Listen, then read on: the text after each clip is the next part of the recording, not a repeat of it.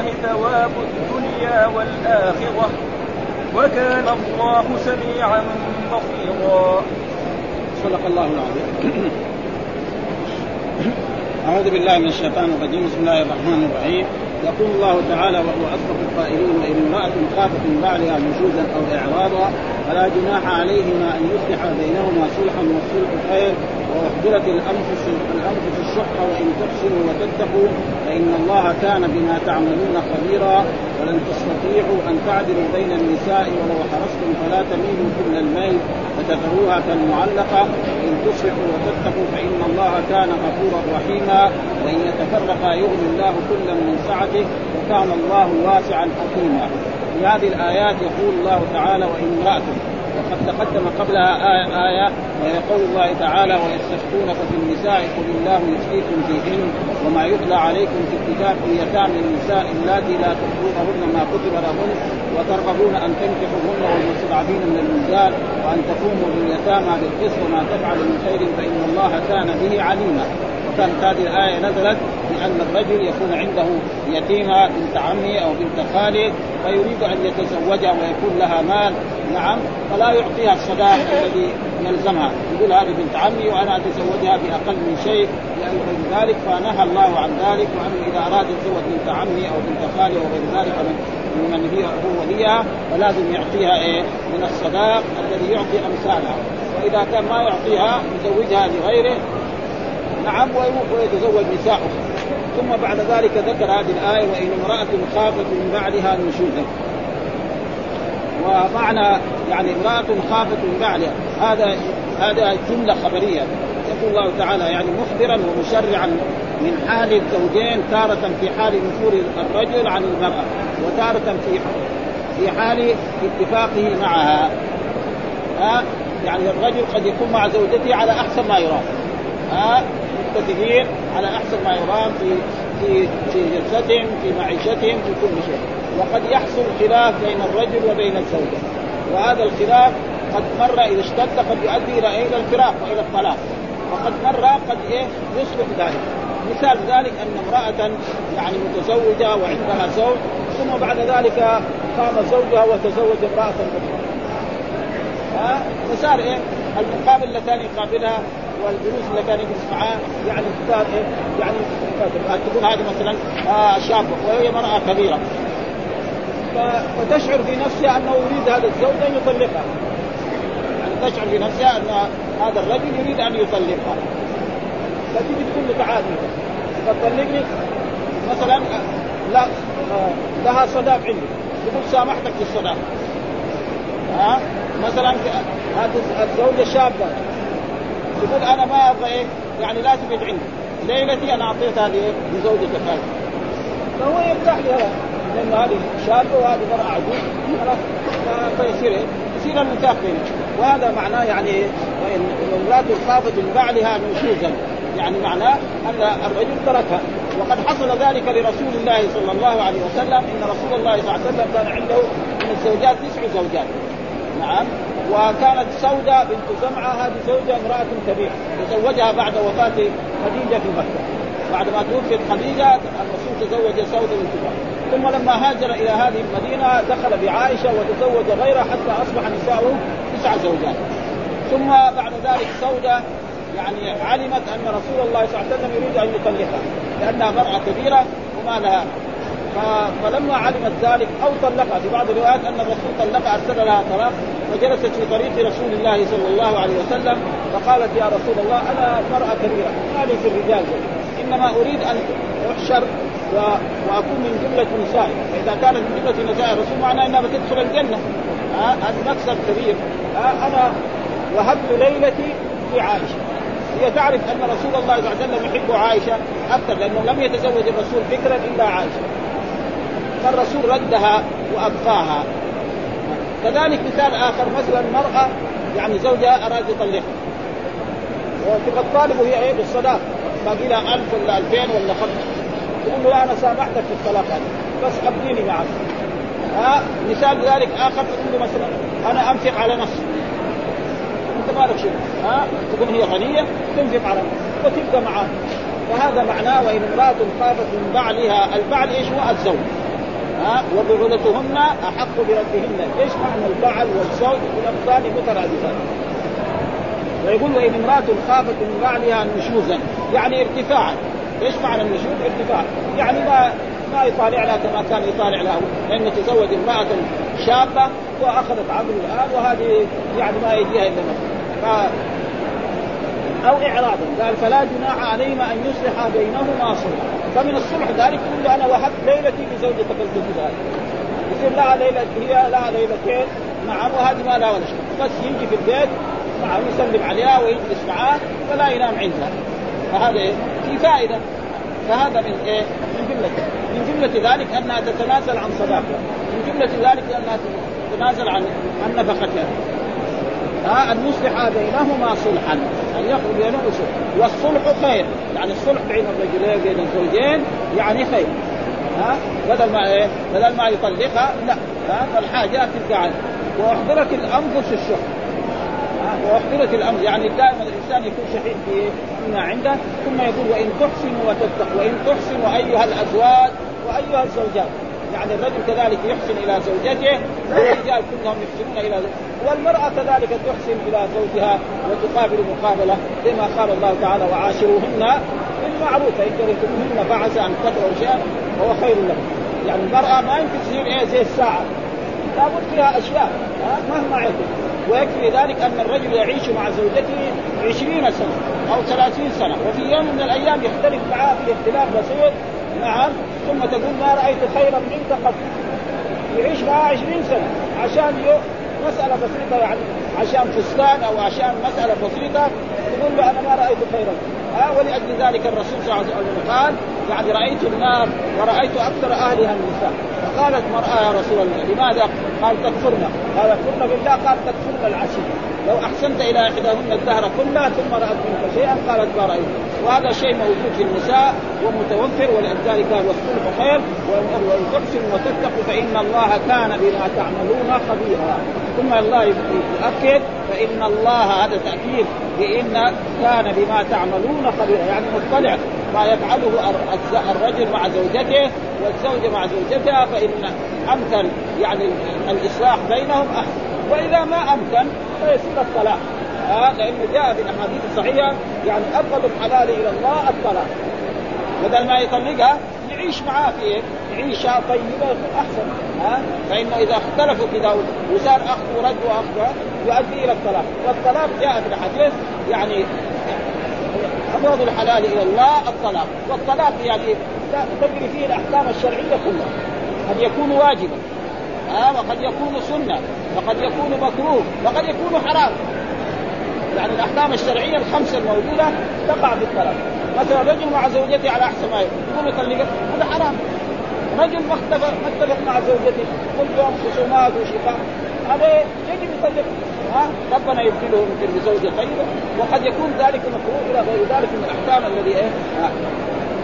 فإن الله كان بما تعملون أي بالذي تعملون خبيرا، الخبير إيه؟ المطلع نعم الذي يضع الأشياء في مواضعها. ثم بعد ذلك يقول الله تعالى ولن تستطيعوا أن تعدلوا بين النساء، يعني مهما فعلت أيها الرجل أن تعدل يا الرجل يكون عنده زوجتين أو عنده ثلاثة أو أربع لأن الرجل المسلم لا يجوز أن يتزوج أكثر من أربعة. ها فانكحوا ما طاب لكم من النساء مثنى وثلاث ورباع. أما رسول الله صلى الله عليه وسلم فأحل الله له أن يتزوج يعني تسع نسوة. وجمعهم في عصمة واحدة. والرسول النساء الذي تزوجهن إحدى عشر امرأة. في حياته كلها تزوج إحدى عشر امرأة. نعم خديجة توفيت في مكة والمرأة كذلك زينب توفيت في الطريق هذول الاثنين توفوا قبل رسول الله صلى الله عليه وسلم والنساء الباقيات التسعة كانت كن تحته في هذه المدينة ثم توفي رسول الله صلى الله عليه وسلم وهم في عصمته آه فرسول الله له أن يتزوج أكثر. وأما المسلم فليس ولذلك جاء في أحاديث أن بعضهم أسلموا نعم دخلوا في الإسلام رجل كان عنده عشر نسوة. ها؟ فلما أسلم أمره الرسول نعم. أن يختار منهن أربع ويطلق الباقيات ويوجد في بعض البلاد الإسلامية كما نسمع إنه بعض حكام وناس كبار يتزوجوا أكثر من من اربعه لا يجوز. أكثر من اربعه لا يجوز. المسلم أن يتزوج. ورسول الله صلى الله عليه وسلم تزوج أكثر من أربع لفائدة يعني مصلحة عامة للمسلمين جميعا.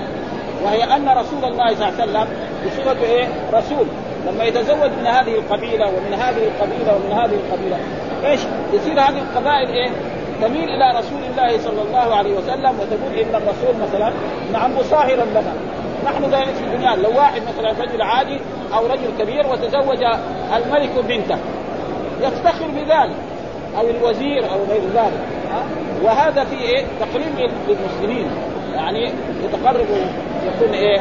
يعني يقول هذا سهرنا ورسول الله وفي ناس أعابوا على الرسول صلى الله عليه يعني ناس ما هم مسلمين أو ناس نصارى أو شبه النصارى. كيف الرسول يتزوج؟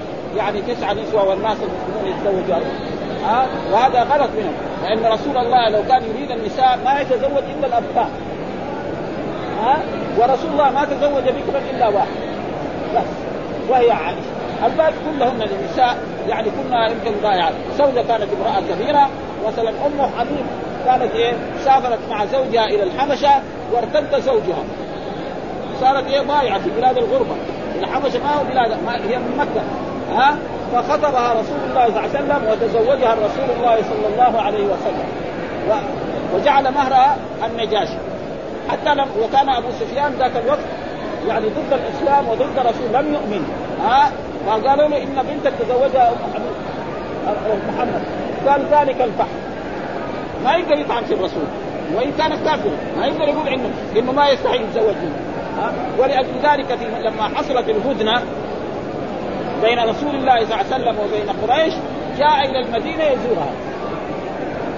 فلما دخل عليها يبغى يزور بنته طبقت فراش رسول الله صلى الله عليه وسلم أم حبيب قال البعيد هو كافر مشرك لا يجلس على فراش رسول الله. معلوم فراش رسول الله من الحرير؟ فراش يمكن متواضع. يعني رسول الله كان يجلس على الحصير. ها؟ طبقته ولم تخليه يجلس. معناه إن الزيادة هذه تكون إيه؟ قصيرة جدا. ابدا. ها؟ يمكن ما بعد إلا يوم أو يومين. لأن رسول الله ما عنده فراش. كفرش الناس فرش متواضعة. ولأجل ذلك يعني ليس للمسلم أن يتزوج أكثر من أربعة. ولذلك الله يقول فانكحوا ما طاب لكم من النساء مثنى وثلاث ورباع. ثم يقول هنا ولن تستطيعوا أن تعدلوا بين النساء. مهما حاول الرجل أن يعدل بين نسائه لا يمكن. آه لأنه ما يمكن يحب هذه كما يحب هذه. إنما يقدر إيه؟ ينفق على هذه وينفق على وينام عند هذه ليلة وينام عند هذه ليلة. نعم؟ ويكسو هذه ويكسو هذه. لكن في المحبة لا يمكن. ها واحدة تكون أخلاقها ممتازة طيبة ها حسنة العشرة. وهناك واحدة شريره تتلابش معاه في البيت كل يوم. ها يمكن تسبه كمان. المرأة تسب الرجل يعني. ها طريقة اللسان ولا. فما يمكن هذه وهذه سواء أبدا. هذا شيء يعني صحيح. ما يمكن. إذا إيه؟ لا يمكن. فلذلك كان الرسول صلى الله عليه وسلم يقول هذا قسمي فيما أملك. هذا قسمي فيما أملك وهو النفقة والمبيت وغير ذلك ولا تلمني فيما تملك ولا أملك وهو إيه؟ ميل القلب. فرسول الله كان يحب عائشة أكثر من غيره. ها؟ وكذلك لا يمكن لا يلزم على الرجل أنه إيه؟ لازم إذا جامع هذه الزوجة يجامع هذه الجماع هذا شيء إيه؟ يعني مختار له هو. ها؟ واحدة تكون شابة بكر واحدة تكون جميلة فهذا إيه؟ لا يمكن أن يكون سواء. إنما نعم ينفق على هذه كما ينفق على هذه. يكسو هذه كما يكسو على هذه. نعم كذلك يبيت عند هذه ليله لكن إذا جامع هذه لازم يجامع الثاني ويجامع الثالث فلا. هذا هذا. ولأجل ذلك قال ولن تستطيعوا أن تعدلوا بين النساء ولو حرص. مهما فعل الرجل لا يمكن أن يكون زوجاته في درجة واحدة في المحبة وفي الاتصال الجنسي وفي غير ذلك. أبدا هذا لا يمكن. ها؟ ها؟ فلا تميلوا كل الميل. لا تميلوا كل الميل. وهذا لا تميل لا, لا هي أصل لا تميل ميلا يسمى في اللغة العربية في النحو لا تميل ميلا مفعول مطلق ثم حذف المفعول المصدر وأنيب عنه كليته. فلا تميل فعل مضارع مجزوم على حذف النون وكل هذا مفعول مطلق. يعني أصله كان ميلا كل الميل فحذف المفعول المطلق وناب عنه كله. ها فتذروها كالمعلقة. فتذروها إيه؟ مثال ذلك يحصل نزاع بين رجل وبين زوجته وتذهب هذه الزوجة إلى بيت أبيها. ها تذهب إلى بيتها. فهي لا تسمى إيه؟ ما هي إيه؟ احكام الزوج ما يعني الرجل لا يبيت عنده. ها ولا ينفق عليها ولا يسكن معها. فهي إيه؟ قلت لها إنت مطلقة تقول لا ما ننفق. طيب إنت متزوجة؟ ما في شيء خالص أصل لا ينفق عليها ولا فتصير إيه؟ كالمعلقة. ها؟ فلا فلا يحسن إيه؟ ذلك. إذا الإنسان إذا كان المرأة ما أرادها يطلق. ها؟ والسنة أن الرجل يطلق طلقة واحدة. ها؟ كثير من الحمل نهار ما يزعل مع زوجته يطلقها يعني ثلاثا هذا حرام. هل يقع أو لا يقع؟ هذا فيه خلاف بين العلماء وجميع العلماء على أن الطلاق ثلاثا يقع. إلا شيخ الإسلام ابن تيمية يقول لا ما يقع. الطلاق وكذلك الشيخ ابن باز الآن يفتي بذلك. على كل حال مسألة فرعية فاذا يعني يقول فتظهروها كالمعلقة. ها ولأجل ذلك جاء في اللغة العربية في باب النحو. يعني باب يسمى ظن واخواته ظن واخواته إيش تساوي؟ تنصب المبتدأ والخبر. ها تنصب المبتدأ والخبر يقول إيه؟ ظننت زيدا صديقا. ظننت فعل وفاعل وزيدا مفعول الأول وصديقا إيه؟ مفعول ثاني فإذا أردنا أن نعلق هذا الفعل نقول ظننت لزيد صديق. فظننت فعل وفاعل واللام لام الابتداء وزيد مبتدأ و... و... وقائم الخبر والجملة من المبتدأ والخبر ساد وسد إيه؟ مفعولي إيه؟ ظن. هو ما يعمل ونقول له انت بتعمل يعني كذا بيضحك على إيه؟ وكذلك المرأة التي تختلف مع زوجها وتذهب إلى بيت أبيها أو إلى بيت قريب لها فهي لا تسمى زوجة لأن حقوق الزوجة ما بتحصل. الرجل لا ينفق عليها. نعم ولا ينام عنده. نعم ولا يسكن معه. فهذه إيه وكذلك كذلك يقول لا تذروها كالمعلق فإذا كان حصل خلاف بين الرجل وبين زوجته وارادوا أن يصلح بينهم ما أمكن فيطلقها. ها؟ والطلاق يطلقها طلقة واحدة كما جاء في سورة البقرة الطلاق مرتان. فإمساك بمعروف أو تسريح بإحسان. يعني طلقة بعد طلقه أما الحماقة التي يفعلها كثير من الناس نهار ما يختلف مع زوجته يطلقها يقول أنت طالق ثلاثا. هذا حرام. وهل يقع إذا كان أو لا يقع؟ جمهور العلماء نعم من المذاهب الأربعة ومن غيرهم على أنه يقع وانها لا ترجع إليه حتى تنكح زوجا غيره يعني نكاحا صحيحا. وهناك من العلماء من يقول أن لا أن الطلاق الثلاث ترجع إلى واحدة وهناك حديث صحيح في مسلم نعم أخرجه مسلم كان طلاق الثلاث على عهد رسول الله صلى الله عليه وسلم طلقه واحدة وكذلك في صدر خلافه أبي بكر الصديق وصدرا من خلافة عمر. ثم إن عمر بن الخطاب رضي الله تعالى عنه قال إن الناس استعجلوا في شيء كانت لهم فيه أناء فلو أمضيناه عليهم. فأمضاه إيه؟ عمر بن الخطاب رضي الله تعالى عنه وجاء العلماء نعم بعد يعني التابعين كسعيد بن المسيب والزهري وغير ذلك عمر قدامهم. كل واحد يجي يتبع عمر قدامه ما أبدا. يقول خلاص يمضي فجاءوا المذاهب الاربعه كلها أي واحد يطلق ثلاث ثلاثة خلاص. هذا جاء ابن تيمية ده عالم كبير وشجاع كمان. ها؟ ما يعني حديث عنده قوة والا أبدا. يكفي ذلك ابدا كذا. قال لا نحن نرجع في الأحاديث. فرجع الأحاديث وجد إنه هذا حديث صحيح مسلم. حديث صحيح مسلم. وصحيح مسلم إيه؟ يعني في الدرجه الثانية بعد صحيح البخاري. ها أه؟ فقال إن عمر بن الخطاب هذا ماذا فعل؟ عمر بن الخطاب هذا راعي فله أن يجازي رعيته الآن دحين ساوي إيه؟ بدل ما بدل ما ياخذ بالحديث هذا يعني صار إيه؟ يحتاج الرجل يبغى آه، يبغى زوجته يروح واحد يتزوجها واحدة ليلة ويطلقها وترجع لزوجها الأول هذا يصير كيف إيه؟ المستعار هذا هذا مو أخس من هذا هذا في حديث عندنا ها ولذلك العالم اللي ما يعني ما ظهر له ذلك لا يفعل. لأنه نسمع بعض الناس. يقول كيف ابن تيمية هذا؟ ابن تيمية ما هو سهل يعني. إلا ما طالب العلم اللي ما يعرف ابن تيمية ولا يعرف كتب ابن تيمية لم يكن طالبا للسهل. ها؟ جميع العلماء الآن في هذا يعني عرفوا أن ابن تيمية رجل يعني له من العلم وله من المقدره العلمية. الحديث الذي يعرف ابن تيمية يمكن لا يعرفه الناس ها؟ فلأجل ذلك هذه مسألة فرعية. فالذي ما يرى لا يجحد. آه لا يجاهل الناس ولذلك الآن الشيخ باز يفتي بذلك، لو كان واحد من القضاة يفتي بذلك أو واحد من العلماء يفتي بذلك يمكن الحكومة تكون ضده، ويمكن المشايخ ودار الافتاء يكون ضده، آه فمسألة إيه فرعية. فالذي رأى أنه يفتي بذلك لا يعارض ولذلك نرفع ايها الإخوان. وإن تصل وإن تصلحوا وتتقوا. يعني إيه يصلح بين الرجلين الرجل وتتقوا فإن الله كان غفورا رحيما. زي ما قلنا غير ما مر دائما كان إذا جاءت للرب سبحانه وتعالى فمعناها لم يزل. يعني كان الله في الماضي وفي الحال وفي الاستقبال. كذا دائما. وهذا موجود في القرآن بكثرة. كان الله غفورا رحيما. يعني إذا حصل خلاف وطلق الرجل زوجته خلاص كان الله غفورا رحيما قال وإن يتفرقا يعني يتفرق الرجل يطلق زوجته. نعم. لا يغني الله كلا من سعه فالرجل ربنا يعوض زوجة خيرا من زوجتها. والمرأة كذلك يعوضها الله زوجا خيرا من زوجها. آه لأنه إيه؟ على الشرع. ما حصل ذاك بينهم. نعم طلقها فتعتد ويتزوجها رجل. قد يكون هذا الرجل فيه خير وقد تكون هي ما كان لها أولاد. رأينا مراه تتزوج رجل وتجلس معه 20 سنة. ثم بعد ذلك يطلقها. تروح تتزوج الثاني تجيب أولاد خمس ست أطفال. شيء. هذا هو صار وهذه كان معه عشر سنوات. ولد جاب شيء وتزوج رجل ثاني. وهو يتزوج مرأة ثانية كان ما عنده أولاد يجوا أولاد. فلذلك الله قال كل من سعد وكان الله واسعا برضه كان بمعنى ما زال في الحال في الماضي وفي الحال وفي الاستقبال. ها؟ وهذا تشريع من الرب سبحانه وتعالى من الأحكام الشرعية التي في القرآن.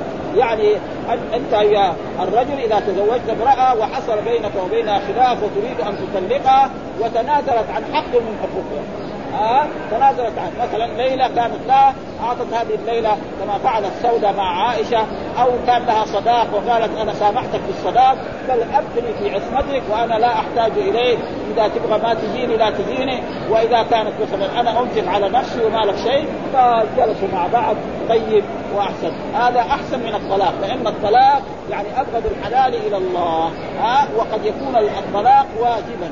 وقد يكون مسنونا وقد يكون مكروها وقد يكون حراما. ها؟ الأحكام الشرعية الخمسة التي في هذا تقع في الطلاق وتقع في كثير من الأشياء. هذا ما يعني الايه ثم بعد ذلك يقول الله تعالى ولله ما في السماوات وما في الأرض. آه لله يعني الله إيش؟ علم على الرب سبحانه وتعالى. اسم من أسمائه. آه الله. هذا ما قال الله لا إله إلا هو الحي وهنا جاء يعني دخل عليه حرف الجر قال لله جميع ما يعني جميع ما في السماوات والأرض إيه؟ ملك لله ها؟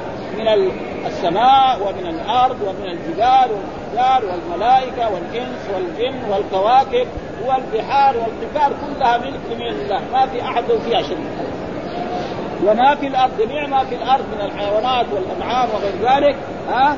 ليه؟ ولقد وصينا الذين أوتوا الكتاب من قبلكم وإياكم. إيش معنى التوصية؟ الأمر المؤكد. دائما القرآن يقول وصينا وصينا ووصينا الإنسان بوالديه إحسانا يوصيكم الله في أولادكم، إيش معنى الوصية؟ الأمر المؤكد. ها العهد المؤكد ها ولقد وصينا. يقول الرب سبحانه عن عن نفسه الضمير نادى عائد على الرب سبحانه وتعالى. ولقد وصينا الذين أوتوا الكتاب. يعني أمرنا وعهدنا إلى الذين أوتوا الكتاب الذين هم اليهود والنصارى من قبلكم وإياكم. آه وكذلك إياكم أنتم أيها المؤمنون أيها أتباع رسول الله صلى الله عليه وسلم أن اتقوا الله. يعني الوصية التي أوصى الله بها الذين قبلنا وأوصانا أن نتقي الله، إيش معنى تقوى الله؟ امتثال أوامر الله واجتناب نواهيه، هذا معنى التقوى في القرآن. وما اقلهم ها اتقوا الله حق تقاته ولا تموتن. يا أيها الذين آمنوا اتقوا الله وقولوا قولا سديدا. يا أيها الذين آمنوا اتقوا الله ولتنظر نفس.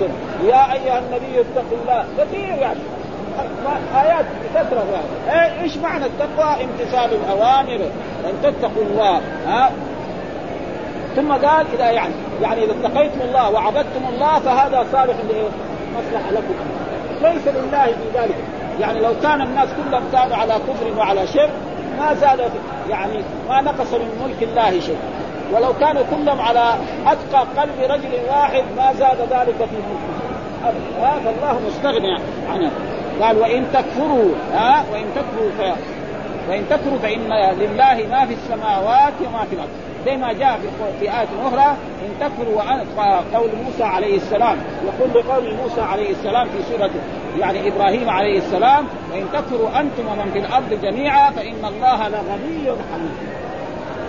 ها؟ لو فرض أن جميع البشرية كلهم كفار كلهم كفرعون وكهامان ها؟ يعني هذا يتضرر الرب سبحانه؟ لا ها ابدا. ولو كانوا كلهم على أتقى قلب رجل واحد كانوا على قلب رسول الله صلى الله عليه وسلم على قلب موسى هذا ما يزيدون. ها ولذلك جاء في احاديث الحديث يعني الذي قال لو أن أولكم وآخركم وإنسكم وجنكم كانوا على أتقى قلب رجل واحد ما زاد ذلك في ملك شيء. ولو أن أولكم وآخركم وإنسكم وجنكم كانوا على أفضل قلب رجل واحد ما نقص ذلك في شيء. وجاء برضه في نفس الحديث عشر مرات نداءات يعني لو, لو أن أولكم وآخركم وإنسكم وجنكم قاموا في صعيد واحد فسألوني فأعطيت كل واحد مسالته ما نقص ذلك مما عندي إلا كما ينقص المخيط إذا أدخل في البحر. مخيط يدخل في البحر؟ إيش يساوي؟ يعني لو جبنا مخيط وأدخلناه في فنجان شاي أو قهوه ها مخيط كمان يعني مو إبرة اللي يخاط فيها ثياب لا إبرة اللي يخاط فيها القطان. اللي يساوي المراتب ولا كذا بالابره قد كذا. إيش ينقص؟ لا ينقص شيء فلأجل ذلك يعني الله يعني غني عن عباده. إن تكفروا ها؟ فإن لله ما في السماوات وجميع ما في وهنا يقول ما في السماوات. مرات يقول من في السماوات. ليه؟ لأن ما ما لما لا يعقل. من لمن يعقل؟ هذا أسلوب عربي اللغة العربية كده. ولذلك مرات يقول سبح لله من في السماوات. لما يقول من في السماوات يدخل مين؟ الإنس والجن والملائكة. لما يقول يسبح لله ما في السماوات يدخل الإنس والجن والملائكة والحيوانات والإبل والبقر والجبال. ولذلك قال وإن من شيء إلا إيه؟ يسبح بحمده. ولكن لا تسمحون تسبيح ها؟ والعجاب الله يقول مثلا في ما ما عندكم ينفد وما عند الله. شوف ما هذه يعني إيه؟ الذي عندكم من حطام الدنيا من الفلوس والذهب والفضة والذهب ما عندكم ينفد وأما من دائما العقل ولكن في بعض المرات يدخل هذه في هذا. الله يقول والله خلق كل دابة من ماء. الله خلق كل دابة من ماء. إيش الماء هنا؟ يمكن المني قال فمنهم من يمشي على بطنه. قال لا على القواعد النحوية فمنهم من يمشي على ما يمشي على بطنه. لأنه الذي يمشي على بطنه إيه؟ الثعابين. ها؟ ومنهم من يمشي على رجلين. اللي يمشي على رجلين ما هو عاقل. بعضه عاقل وبعض الإنسان عاقل. والدجاج والطيور وهذا كلها تقريبا ما يسمع ها؟ ومنهم من يمشي على أربع كان لازم على القواعد يقول وما يمشي على أربع هذا الذي يمشي على أربع؟ الإبل والبقر والغنم والحيوانات والأسود والنمور ها؟ ها؟ ليه؟ لأنه دخل في إيه؟ الله خلق ولذلك تجد القرآن مرات يقول سبح لله ما في السماء مرة يقول سبح لله. فيدخل العاقل في غير العاقل ولذلك هنا يقول فلله ما في السماوات وما في الأرض وكان الله غنيا حميدا. ها؟ الغني. ما قال يا أيها الناس أنتم الفقراء إلى الله والله هو الغني الحميد. أبدا. ما في أحد يستغني عن الرب سبحانه وتعالى. طرفة عين أبدا. ها؟ إذا عين يعني لو وضع الناس يموت في إيه في لحظة من اللحظات ها؟ ثم قال بعد ذلك يقول ولله ما في السماوات وما في الأرض وكفى بالله وكيلا. كذلك لله ما ها؟ ما في برضه هنا إيه؟ دخل ما العاقل فيما لا يعقل ما في السماوات وما في الأرض وكفى بالله وكيلا. إيش معنى يعني الرقيب والشاهد على كل شيء؟ ثم بعد ذلك يقول الله تعالى إن يشا يذهبكم أيها الناس. إن يشاء الرب يذهبكم أي إن يشاء يذهبكم. إن اداه الشر ويشاء هذا فعل الشرط مجزوم ويذهبكم هذا إيه؟ نعم هذا جواب الشرط وجزاء وهو مجزوم بعد ذلك قال ويأتي يعني الرب سبحانه وتعالى لو أراد يعني هؤلاء الناس أن يذهبوا يعني يهلكهم ويميتهم في لحظة واحدة ويأتي بآخرين. وهذا كما حصل يعني بعض المكذبين للرسل نعم ربنا ينزل بهم العذاب ويعذبهم وينجي المؤمنين. كما فعل بقوم نوح وبقوم هود وبقوم صالح وبقوم المكذبين للرسل وكذلك فرعون وهكذا كذلك آه، معناه زي ما يقول إياك أعني واسمعي يا جار. إن من كذب نوحا ومن كذب آه، آه، يعني هودا وصالحا أنزلنا به العقاب والعذاب. فإن من يكذب محمدا نعم ويقول إن محمد كذاب وساحر ومجنون ويقول عن القرآن أساطير الأولين إلى غير ذلك فسننزل به العقاب الذي لم ينزل به بالامم ولأجل ذلك جاءت قريش إلى بدر لتغني لهم القياد وليشربوا الخمر وليتحدث العرب عن عظمة قريش وكبريائها. فتبتدي غزوة بدر فينتصر الرسول على قريش ويقتل سبعين ويأسر سبعين. مع أن جيش الرسول كان كان 300 وبضعة عشر. 300 بس ما يجي 300 يعني 20 وقريش كانوا 1000 فال 300 دول يقتلوا 70 ويأسروا 70 ها؟ ولذلك إيه؟ كم من فئة قليلة غلبت فئة كثيرة به ها؟ إن تنصروا الله ينصركم. وكان حقا علينا نصره. ولما في غزوة أحد حصل خلاف من بعض أصحاب رسول الله صلى الله عليه وسلم بأمره حصل إيه الهزيمة؟ لأن لأن قتل المشركون من من أصحاب رسول الله سبعين شخص منهم حمزة والرسول شج وجهه كذلك. يعني جاءت بكشة كبيرة هنا وكسرت رباعية. ها وكان الدم يسيل من رسول الله حتى أن عائشة فاطمة رضي الله تعالى عنها يعني ما عندهم ميكروسكوب ولا عندهم أدوية. ها الحصير تحرقه وتحط محل إيه؟ محل الدم حتى يوقف الدم. ها؟ وهذا وهذا ولذلك الله يعاتب الصحابة في إيه؟ في غزوة قال يقول الله تعالى يعني منكم من يريد الدنيا ومنكم من يريد الآخرة ثم صرفكم عنه ليبتليكم ولقد عفى عنكم الله. ويقول إذ تصعدون ولا تلوون على أحد والرسول يدعوكم في أخراكم فاثابكم غما بغم لكي لا تحزنوا على ما فاتكم ولا ما أصابكم. وبعد ذلك قال والقران في نفس هذه يعني حول 80 آية في غزوة أحد في سورة آل عمران. ها؟ أولما أصابتكم مصيبة قد أصبتم مثليها. قلتم أن هذا قل هو من عند أنفسكم. مين هم اللي خالفوا؟ 20 نفر. يعني ما يجوا لأنهم كانوا 50 بعضهم ما سمع كلام الرئيس ونزلوا. فكان السبب إيه؟ فلذلك المسلمون إذا أرادوا أن يحاربوا الكفار والمشركين أن يكونوا إيه؟ يكونوا مؤمنين ممتثلين أوامر الله ومجتنبين النهي نعم ويؤدون الواجبات. ها ولذلك كان سمعنا فيما سبق من الغزوات التي حصل بين اليهود وها يقول القائد الكبير إنه ممنوع أن القائد نعم يستعمل المشروبات الروحية في إيه؟ في المعركة.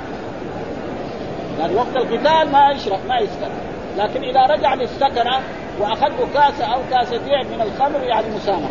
فإذا أخذ كاسه أو كاستين من الخمر بعد ذلك وجاء يحارب اليهود ينهزم خلي إذا كان ما يصلي عدد ها يصير أشد وأشد.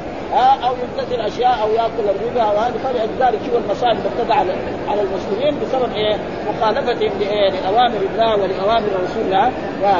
ويأتي بآخرين وكان الله على برضه كان بمعنى لم يزل. يعني على كل شيء. ولذلك إن الله على كل شيء قدير. إن كثير في القرآن. ما في شيء ما يقدر عليه. ابدا. ها؟ ها؟ ثم يقول الله تعالى من كان يريد ثواب الدنيا إيش ثواب الدنيا؟ يعني يريد إيه؟ بعمله الدنيا؟ بس ها؟ يعني يريد الدنيا. مثلا رجل إيه؟ بس يريد الدنيا.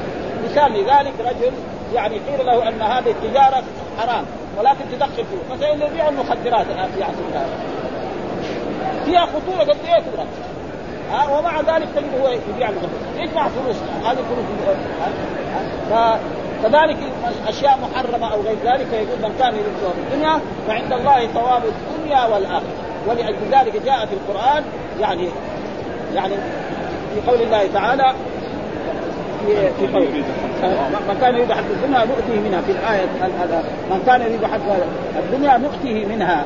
وجاء في آيات غيرها فمن الناس من الناس من يقول ربنا آتنا في الدنيا وما له في الآخرة من خلاق. يعني نص القرآن. ومنهم من يقول ربنا آتنا في الدنيا وما يعني واحد بس يطلب الدنيا. ما يبغى الآخرة. ها؟ ومنهم من يقول ربنا آتنا في الدنيا حسنة وفي الآخرة. إذا إيه أحسن لنا؟ نطلب الاثنين سوا. ها؟ ربنا اتنا في الدنيا حسنة وقد فسر بعض العلماء في الدنيا حسنة يعني الزوجة الصالحة. وهذا منه يعني هذا مثال. يعني ليس معنى بس الزوجة الصالحة في أشياء. ها؟ يعني الزوجة الصالحة تعين الرجل على كثير من الأشياء. إذا كانت هي صالحة هو كمان يصير طيب. وإذا كانت هي خربانه يصير غلط ها؟ ابدا لأنه هذه معاشرة يقعد معاه وياكل معاه ويشرب معاه وينام معاه ها؟ فلأجل ذلك يقول في هذه الآيات من الناس من يقول ربنا آتنا في الدنيا وما له في الآخرة. ومنهم من يقول ربنا آتنا في الدنيا حسنة وفي الآخرة حسنة وقنا عذاب النار. ها اولئك لهم نصيب مما كسبوا. وفي آية من كان يريد حق الآخرة نزيد له في حق ومن كان يريد حق الدنيا نؤته منها وما له في الآخرة من نصيب. ها؟ واحد بس يريد الدنيا ربنا قد يعطيه ولكن يعطيه إيه؟ ما شاءه الله. مثلا واحد يحب أن يكون إيه؟ يكون وزيرا أو يكون ملكا أو يكون صاحب الملايين. ربنا يعطيه يجيب الشيء. شيء منه هو كان يتمنى أن يصير أصحاب الملايين. هو صار أبو صاحب الالاف يعني يمكن هذا ها؟ ما يمكن الشيء اللي يبغاه يحصله بالمية مية لا ها؟ وقد يحصل هذا. فلذلك لأن الله غني ها؟ يعطي. ويعطي الدنيا من يحب ومن لا. ولكن الآخرة والدين لا يعطيه إلا إيه؟ ها؟ ولأجل ذلك. نجد المؤمنين أصحاب رسول الله صلى الله عليه وسلم أعطاهم الدين. ها وكان أصحاب رسول الله يعني يمكن بعضهم كانوا فقراء مساكين كخباب بن الأراد وبلال وصهيب وأمثال ذلك. وهناك ناس كفار مشركين يعني كان عندهم شيء من الأموال وهذا حتى أن يعني الله قال في القرآن ذرني ومن خلقت وحيدا وجعلت له مالا ممدودا وبنين شهودا ومهدت له تمهيدا. هذه نزلت في يعني نعم في المغيرة بن آه يعني آه الوليد. آه الوليد هذه نزلت فيه لأنه كان إيه؟ رجل عنده أموال وأولاده دائما عنده. ها آه وعنده عشر أولاد. بس يأكلوا ويشربوا ويروحوا يصيدوا. ويجوا في الليل يتقوا الطعام والشراب. ها؟ الله يقول ذنبي ومن خلقت وحيدا وجعلت له مالا ممدودا وبنين شهودا ومهدت له جميلا ثم يطمع أن أزيد كلا إنه كان لآياتنا عنيدا سأرهقه صعودا إنه فكر وقدر فقتل كيف قدر ثم قتل كيف قدر ثم نظر ثم عبس وبصر ثم اذبر واستكبر فقال إن هذا إلا سحر يؤثر إن هذا إلا قول البشر ساصليه سقط وما أدراك ما سقط لا تبقي ولا تذر لو واحد من البشر عليها تسعة عشر وما جعلنا أصحاب النار إلا واحد من قال تسعة عشر قال لهم تعالوا أنتم قريش كم؟ آلاف مؤلف. سبعة عشر نفر أكفيكم أضربهم ونخرج من هذه النار اللي يقولها محمد. وأنتم يا قريش كلكم عليكم اثنين. ما تقدر على اثنين من هذول الملائكة؟ اثنين بس. سبعة عشر عليها ليه؟ لأنه كان رجل قوي. يقول لك يجيبوا جلد البقرة ويحطوه في الأرض. وهو يجلس عليه. عشر أنفار يجروا الجلد ما يتحرك من مكانه يعني أشد من إيه؟ يعني رجال لا هو ما هو رجال ها؟ فأبدا ولا ولا يمكن. يتقطع الجلد وهو في مكانه جالس. معناه إيه؟ معناه يعني يعني تقريبا أكثر من إيه؟ من السيارات السيارات اللي فيها يعني 15 طن أو 20 طن. ها؟ ها؟ ولذلك الله قال وما جعلنا أصحاب النار إلا ملائكة. ما هم بشر ما هم عسكر. ولا شرطه لا. هذول ملائكه لو كانوا شرطة الشرط في أقوى منه والبوليس في أقوى منه والبشر بس هذا عندي وظيفة.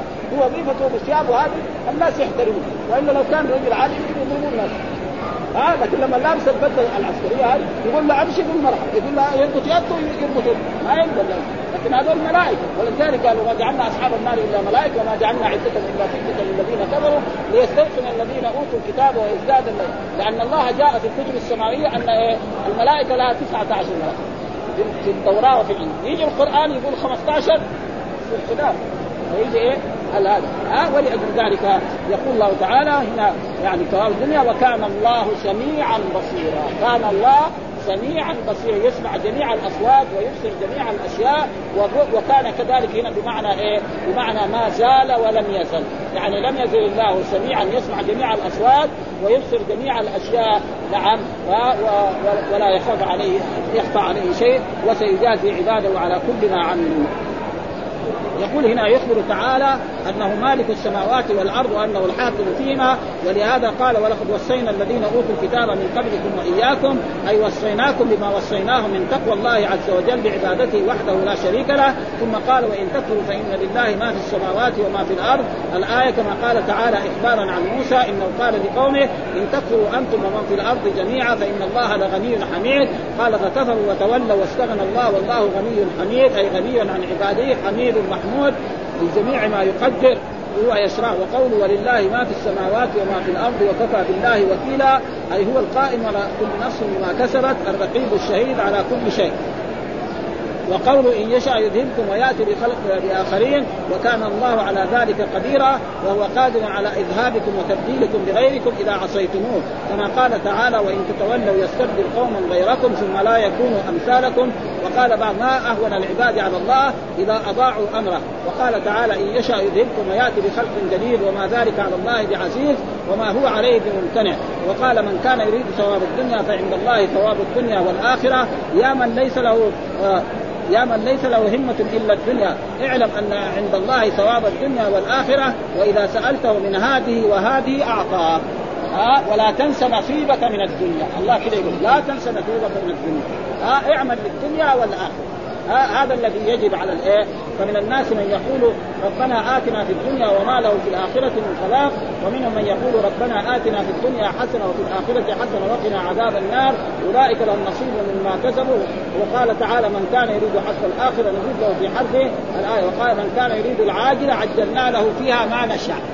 يعني الذي يريد الدنيا ما هو واحد يقول يا رب أجعل لي أصحاب الملائكة. ليس معناه أن الله يعطيه يعطي له شيء من هذا. ها؟ هذا إليه إلى قول انظر كيف فضلنا بعضهم على بعض وقال قد زعم جميعا النبي قال من كان يريد ثواب الدنيا أي من المنافقين الذين أظهروا الإيمان لأجل ذلك فعند الله ثواب الدنيا وهو ما حصل من المغانم وغيرها. يعني المنافقون قد يخرجوا مع مع المؤمنين في الجهاد ويحصلوا مغانم. آه فهذا في الدنيا. أما في الآخرة ليس لهم شيء. هذا آه أنهم ليسوا مؤمنين كان يريد الحياة الدنيا وزينتها نوفي إليهم أعمالهم فيها وهم فيها لا يبخسون. أولئك الذين ليس لهم في الآخرة إلا النار وحبط فيها وباطل ما كان ولا شك أن هذه الآية معناها ظاهر وأما تفسير الآية الأولى ففيه نظر. فعند الله ثواب الدنيا والآخرة ظاهر بحصول الخير في الدنيا والآخرة أي بيده هذا وهذا. فلا يقتصر فلا يقتصرن قاصر الهمة من السعي للدنيا فقط بل لتكن همته سامية إلى نيل المطالب العالية في الدنيا والآخرة. فإن مرجع ذلك كله إلى الذي بيده الضر والنفع وهو الله الذي لا إله إلا هو الذي قسم السعادة والشقاوة بين الناس في الدنيا والآخرة وعدل بينهم فيما علم فيهم. ممن يستحق هذا وممن يستحق ولهذا قال وكان الله سميعا بصيرا والحمد لله رب العالمين وصلى الله وسلم على نبينا محمد وعلى آله وصحبه وسلم.